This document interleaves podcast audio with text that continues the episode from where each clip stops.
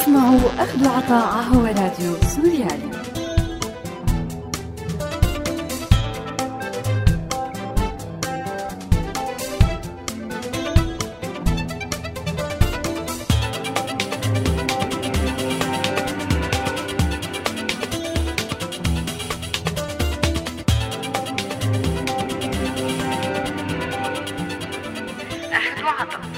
أعزائي المستمعين أهلا وسهلا فيكم.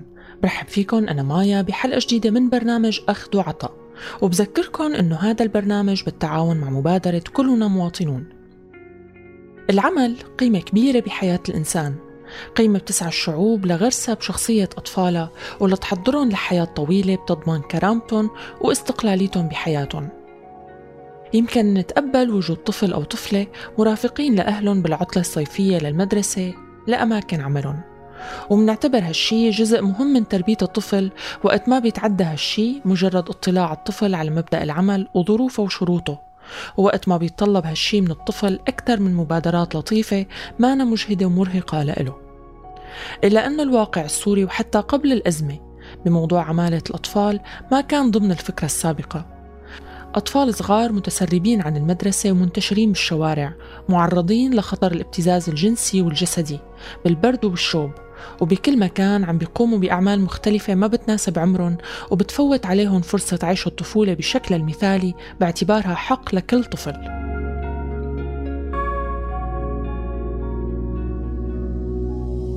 اليوم بظل الأزمة وأرقام صادرة عن منظمة اليونيسف أكثر من 50% من الأطفال بسوريا متسربين من المدارس وأكثر من مليون طفل صاروا لاجئين بدول العالم. من بينهم 5000 طفل منفصلين عن أهلهم. أرقام كبيرة بتعكس لحد كبير واقع الطفولة بسوريا وحجم الخطر والظروف المأساوية اللي عم يعيشوها الأطفال السوريين نتيجة الأزمة الحالية اللي سببت كوارث اقتصادية واجتماعية وإنسانية كبيرة للشعب السوري. عمالة الأطفال السوريين أسبابها الظاهرة وأثرها النفسي والجسدي على الأطفال وعلى مستقبل جيل بيحمل حلم وطن. وأثر الأزمة على ظاهرة ما جديدة على المجتمع السوري. تفاصيل مناقشها بحلقة اليوم. خليكن معنا.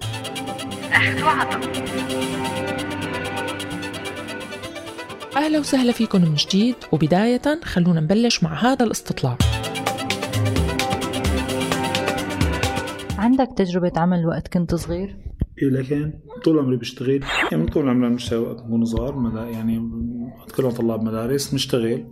بالصيف آه، بعطلة المدرسة بنشتغل. حتى نطالع مصروفنا. طيب شو السبب؟ يعني آه، حقيقة منه بطالع مصروفي منه بشتغل يعني بتعلم مصلحة. يعني الواحد ما بعرف شو يصير معه بالدراسة. يعني كنت عم حاول أتعلم مهنة بحيث إنه إذا ما نجحت بالدراسة يكون عندي مهنة تانية أشتغل فيها. وبنفس الوقت طالع مصروفي. ما كان هالشي ثابت يعني أيام بالصيف ما ما أقدر أشتغل بنفس المكان اللي كنت أشتغل فيه الصيفية اللي قبلها. طيب فيك تحكي لنا شوي عن التجربة؟ يعني اشتغلت كل شيء إيش بيخطر على بالك؟ فتحت بسطة لحالي كنت ببيع. أبوي كان عنده محل آه، ماش كنت أنزل لعنده أشتغل معه بالمحل. يعني هيك. اشتغلت شي مرة بمكان كان بيعتمد على عمالة الأطفال؟ يعني بالصيف كلنا كنا نشتغل يعني أو عمالة أطفال عمالة أطفال بس إنه يعني كلنا بنشتغل بالصيف. يعني مو إنه عمالة الأطفال بشكل واضح بس آه، معظم المهن يعني والحرف آه، بيكون عندها شغيل صغير تعتمد عليك يعني يعني كلمة office boy من هون إجت أنا متوقع. طيب شو كانت طبيعة العمل؟ يعني بجيب بضائع من المستودع بوقف على البسطة ببيع هيك يعني.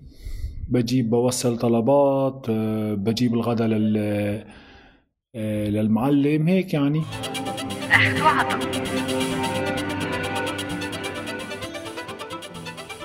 عمالة الأطفال مانها مشكلة وليدة الأزمة بسوريا وإنما هي مشكلة موجودة بشكل واضح وسابق للأزمة الحالية. ومن أهم أسباب حدوثها الظروف الاقتصادية السيئة اللي كان عم يعيشها المواطن السوري واللي كانت تجبره على إخراج أطفاله من المدارس وتحويلهم لقوة عاملة ومنتجة قادرة تدعم الوضع الاقتصادي لأسرتها الفقيرة والمعدمة. وبزيد ارتباط مشكلة عمالة الأطفال بالوضع الاقتصادي لأي مجتمع خاصة المجتمعات اللي بتكون عم بتمر بكوارث أو حروب تتسبب بموت المعيل أو فقدان الموارد الاقتصادية اللي كانت الأسرة بتعتمد عليها لتغطية نفقاتها. إضافة لمشكلة غلاء المعيشة والفقر وغيرها من المشاكل المرافقة لأي كارثة. وبيعتبروا الأطفال من المجموعات اللي بيكتر استغلالها وبيسهل تعرضها للأذى بالحروب والكوارث. وهالشي بينتج عن الفوضى الكبيرة اللي بتكون منتشرة. وضعف المؤسسات الحكومية وغير الحكومية المتخصصة بحماية الطفل خاصة بظل وجود ثغرات وبيئة حاضنة تشريعية أو اجتماعية لاستغلال الأطفال حتى قبل حدوث الأزمة.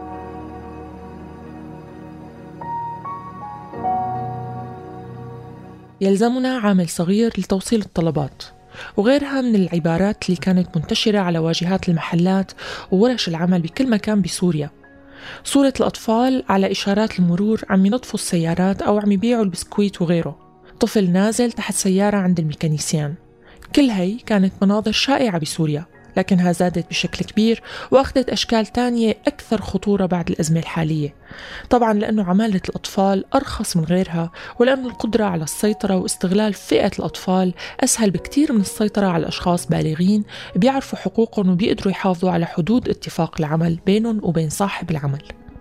ولأنه الحاجة المادية كبيرة والمعيشة صعبة بيظهروا الأهل مرونة أكبر لفكرة خروج أطفالهم من المدرسة وانخراطهم بالعمل.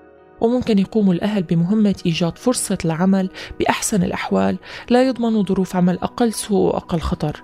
إلا أنه بحالات كتيرة بينترك الطفل ليواجه مصيره ويلاقي شغل يقدر يصرف منه على أهله ويضمن لقمة أكل تحميه من الجوع. وطبعا فرصة تعرض الطفل للابتزاز والاستغلال والإهانة الجسدية والنفسية كبيرة كتير بظل مجتمع عم بيعيش أجواء حرب عم تقضي على أهم القيم السامية فيه وعم يكون قانون الحياة بأي ثمن هو القانون السائد فيها. فاصل ومنرجع.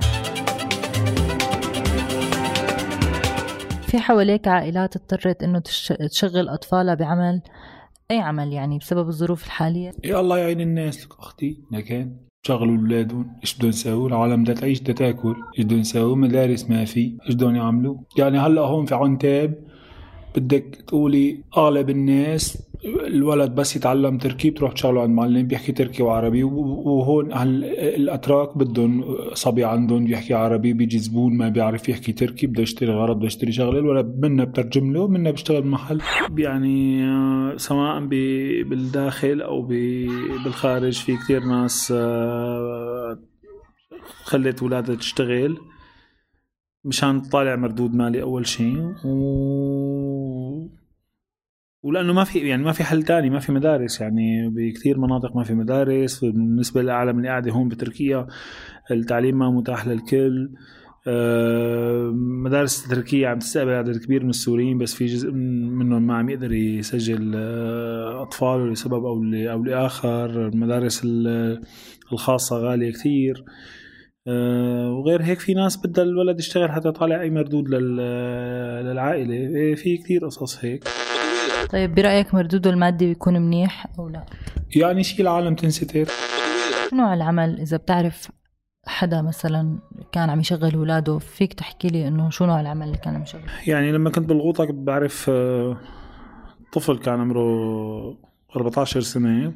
أهله خلوه يترك المدرسة وأساسا لأنه يعني استيعاب المدارس صار كثير ضعيف مدارس غالبا صارت بأقبية ما عاد في مدارس آه، بالمفهوم اللي تدنى عليه للمدارس صارت مدارس كلياتها هي عبارة عن مؤسسات عم تعمل مدرسة بس مشان الأطفال آه، تتابع شيء من تعليمها.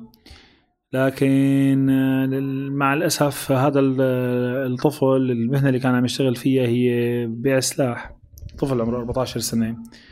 وبعدين بعد فترة آه، لما اكتشفت هالشي حاولت خلي الأهل يبعدوه عن هي المهنة ويشتغل شيء تاني. فاشتغل عمل صاج للخبز. وصار يخبز للناس الناس بتجيب شو بيتوفر لها من من مواد منطقة محاصرة ما فيها كتير طحين وهيك مواد. فكان يجيبوا له أي شيء بتوفر له مشان يخبز لهم اياه ويساوي منه خبز. بعد فترة زرته للعائلة مشان أطمن على الولد بيقولوا لي إنه الطفل مسجون من الشرطة المحلية اللي كانت موجودة بالمنطقة لأنه كان عم يفوت على على البريد على مصلحة البريد وياخد أضابير البريد مشان يحرقون بدال ما يشتري حطب فهي الطفل بس ينحرم من المدرسة ينحرم من التعليم توجد له هيك فرص آه، ما في مين يقومه ما في مين يرسم له طريقه بيتجه لهيك شيء مع الأسف. انت شو شو رأيك بعمل الأطفال؟ يعني لو صح لهم مدارس كان يشتغلوا الله يعين الناس لخيته. يعني بالتأكيد هو أمر خاطئ بظروف الحرب اللي عم تعيشها سوريا. إجباري بدنا بدنا نواجهه بمستوى أعلى لأنه الناس فقدت أرزاقها فرص التعليم انخفضت كتير. بكل الحروب بصير هيك. في أعمال ممكن تكون مقبولة وأعمال لا؟ يعني طول ما هو الولد عم بيشتغل يعني باحترامه يعني الناس هيك ما حد عم بيهينه ما حد يعني الله يفرج على الناس. يعني أنت مو من الأشخاص اللي بترفض عمل الأطفال بشكل مطلق؟ لخيته لو صح لهم مدارس يعني كنا بنقبل ما صح لهم مدارس إيش نساوي؟ ولا بده يشتغل بده ياكل. بالنهاية الطفل لازم يفهم مفهوم العمل بس بيتوقع بكل الدنيا حتى الطفل يفهم مفهوم العمل بيخل بيكلفوه بني نشاط صيفي ممكن يشتغل فيه بالعطلة ما بين ما بين دوام المدرسة أثناء عطلته الصيفية يتعلم مفهوم العمل يساهم بنشاط مع شركة محترمة تفهم إنه هذا طفل آه، وإنه يكون له مهام مخصصة بتناسب جيله بتناسب عمره بتنمي له شخصيته بتفهمه معنى المال والربح والخسارة والالتزام بالعمل وما إلى ذلك. لكن العمالة بقصد الاستفادة منهم كعمال لا أكيد لا.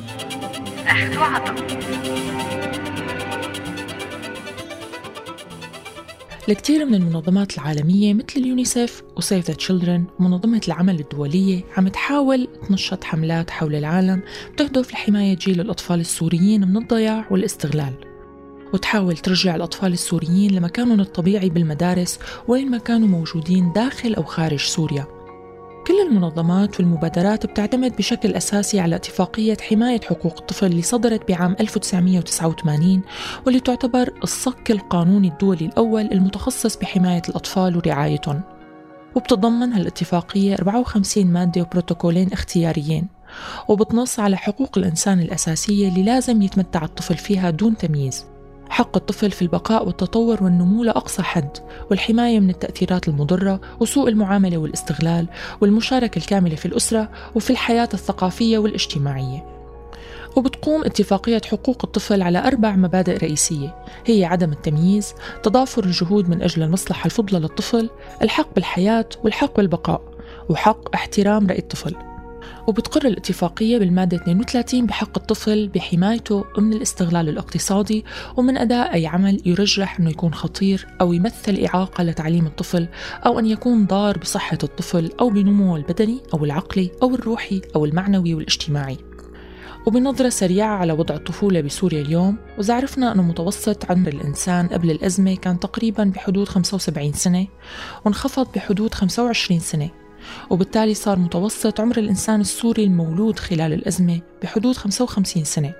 هذا التناقص بمعدل العمر الطبيعي هو نتيجة متوقعة للظروف اللي عم يعيشوها اليوم الأطفال السوريين تحديدا واللي عم تحرمهم من أساسيات الحياة من صحة وتعليم وحياة طبيعية.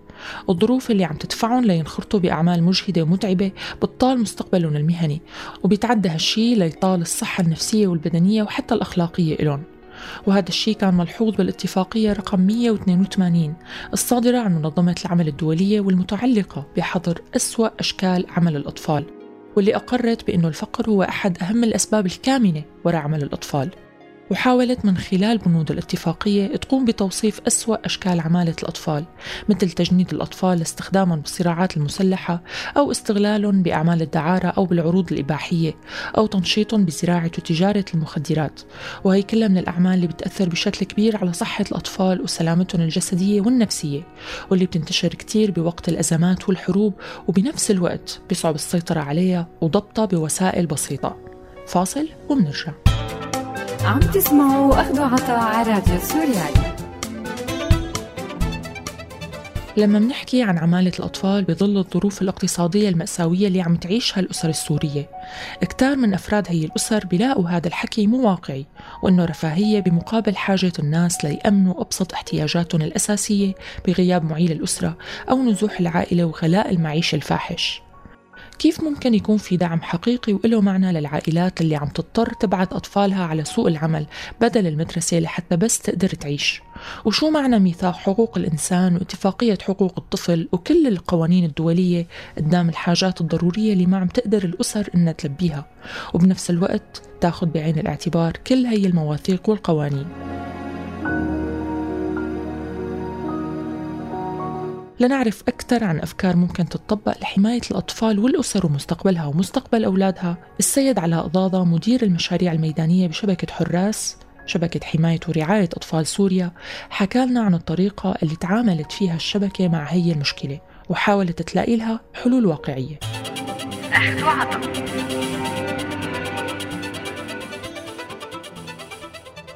بموضوع عمالة الأطفال وقبل ما نحكي عن البدائل بالنسبة للأسر أنا حابب أوضح مجموعة من النقاط.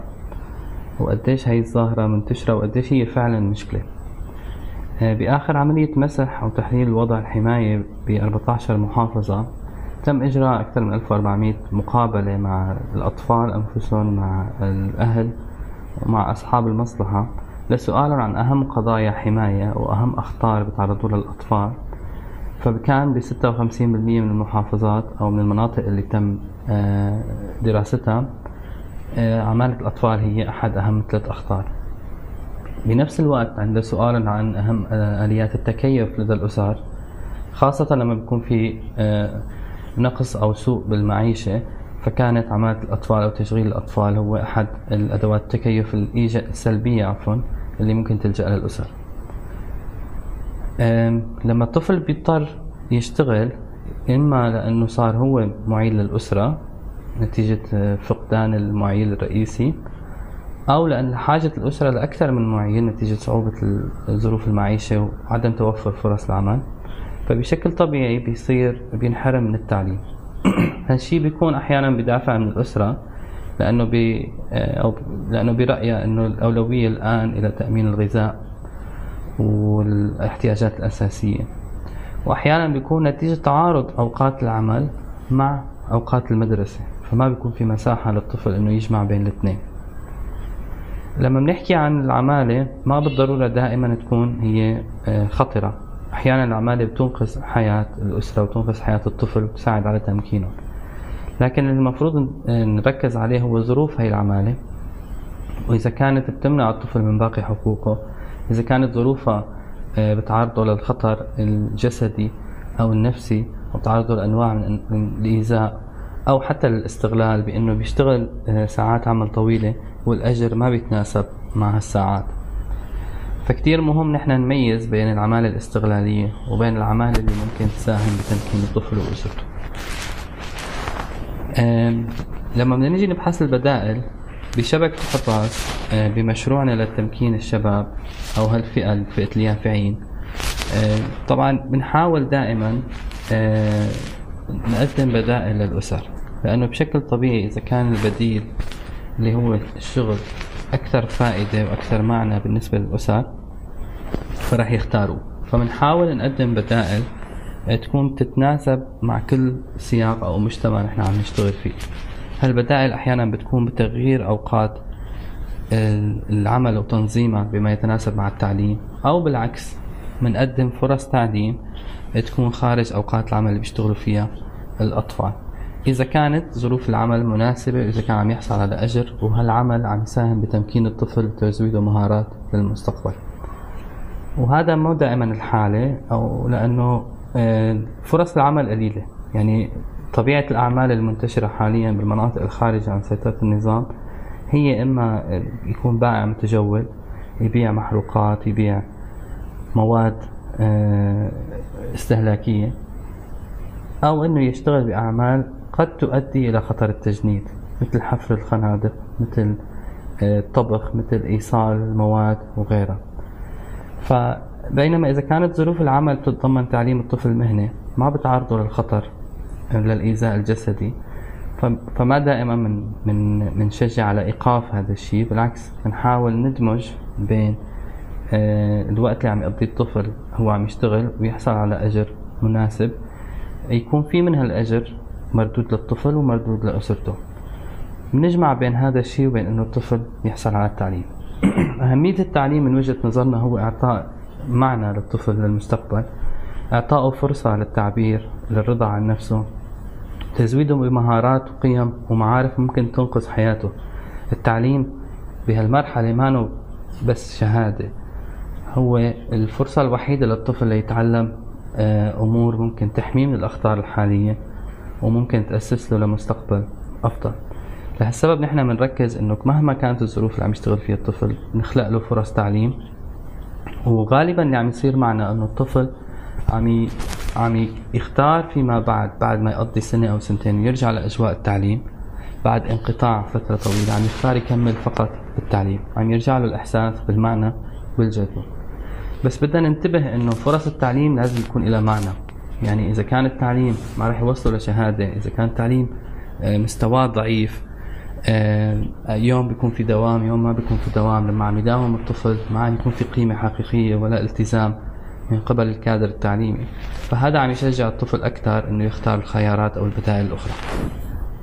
من خلال التعليم بنقدم للطفل فرص الدعم النفسي الاجتماعي فرص تعلم مهارات الحياة وفرص كمان في برنامج آه، عم نقدمه بشبكة حراس لإدارة المشاريع الصغيرة. بحيث يتعلم الطفل المهارات اللي بيحتاجها ليخطط من ناحية مالية ومن ناحية إدارية لإنشاء مشروع صغير إنتاجي. ممكن يساعده فيما بعد إذا هو اختار آه، بالإضافة لتعليمه إنه يكون عنده مصدر للرزق. ببعض الحالات عم نقدم عم نأمن فرص عمل للشباب كمساعدين مدرسين أو كميسرين أنشطة بعد ما يتلقوا التدريبات اللازمة وهذا بيحمي الطفل من إنه يختار أعمال أخرى ممكن تعرضه للخطر مثل أعمال المرتبطة آه، بالتجنيد أو الأعمال حتى لو كانت غير قتالية. لكن المرتبطة بالتجنيد. آه، في كمان بعض الحالات اللي نحن البدائل اللي بنقدمها بكون الطفل عنده انقطاع فترة طويلة عن التعليم. آه، فهو مثلا وصل لعمر 16 سنة وما أخذ شهادة تاسع فنحن نعمل تعليم مسرع بحيث نسد الثغرة اللي عنده بالتعليم ونأهله يقدم لياخذ شهادة تاسع أو شهادة البكالوريا. هذا التدخل كان الأكثر قبولا من الأهالي لأنه حسوا أنه فعلا في معنى في نتيجة. آه، وكونه تعليم مسرع ما بيلزم الطفل بدوام بأوقات هو ممكن يكون مضطر يشتغل فيها فكان في قبول أكثر من الأسر. باختصار التدخل لازم يأخذ بعين الاعتبار الظروف لكل طفل على حدة. لازم يكون تصميمه بشكل فردي. ولازم يض- يضمن تعاون وتنسيق مع شركاء بالمجتمع إن كان رب العمل إن كان المدارس بتنظيم أوقات الدوام إن كان قطاعات أخرى تقدر تساعد لأن الحل لهي الظاهرة هو حل مجتمعي ما هو حل من جهة منظمة أو حل من جهة الأسرة فقط. هو حل على مستوى التنسيق ومشاركة الموارد داخل المجتمع. تلعب المنظمة دور كبير بأنه تساعد آه، هالعناصر الأساسية بالمجتمع على العمل بشكل مشترك لمواجهة هالظاهرة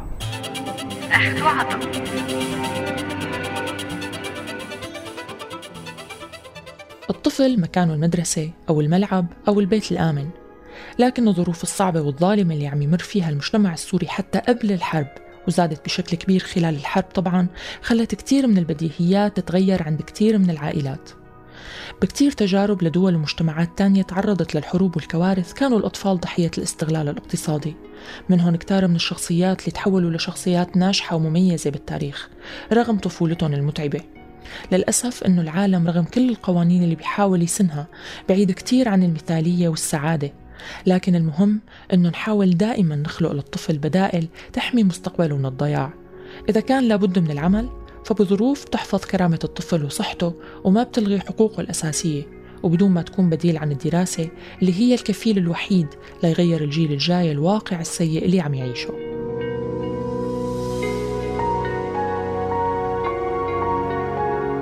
بنهاية حلقتنا أصدقائي أنا بودعكم على أمل أني ألتقي فيكم بحلقة جديدة من أخذ وعطاء الأسبوع الجاي. لا تنسوا تتابعونا على موقعنا سوريالي dot com وأرشيفنا دائما بتلاقوه على ال SoundCloud والفوا علينا FM من هون للأسبوع الجاي كونوا بألف خير.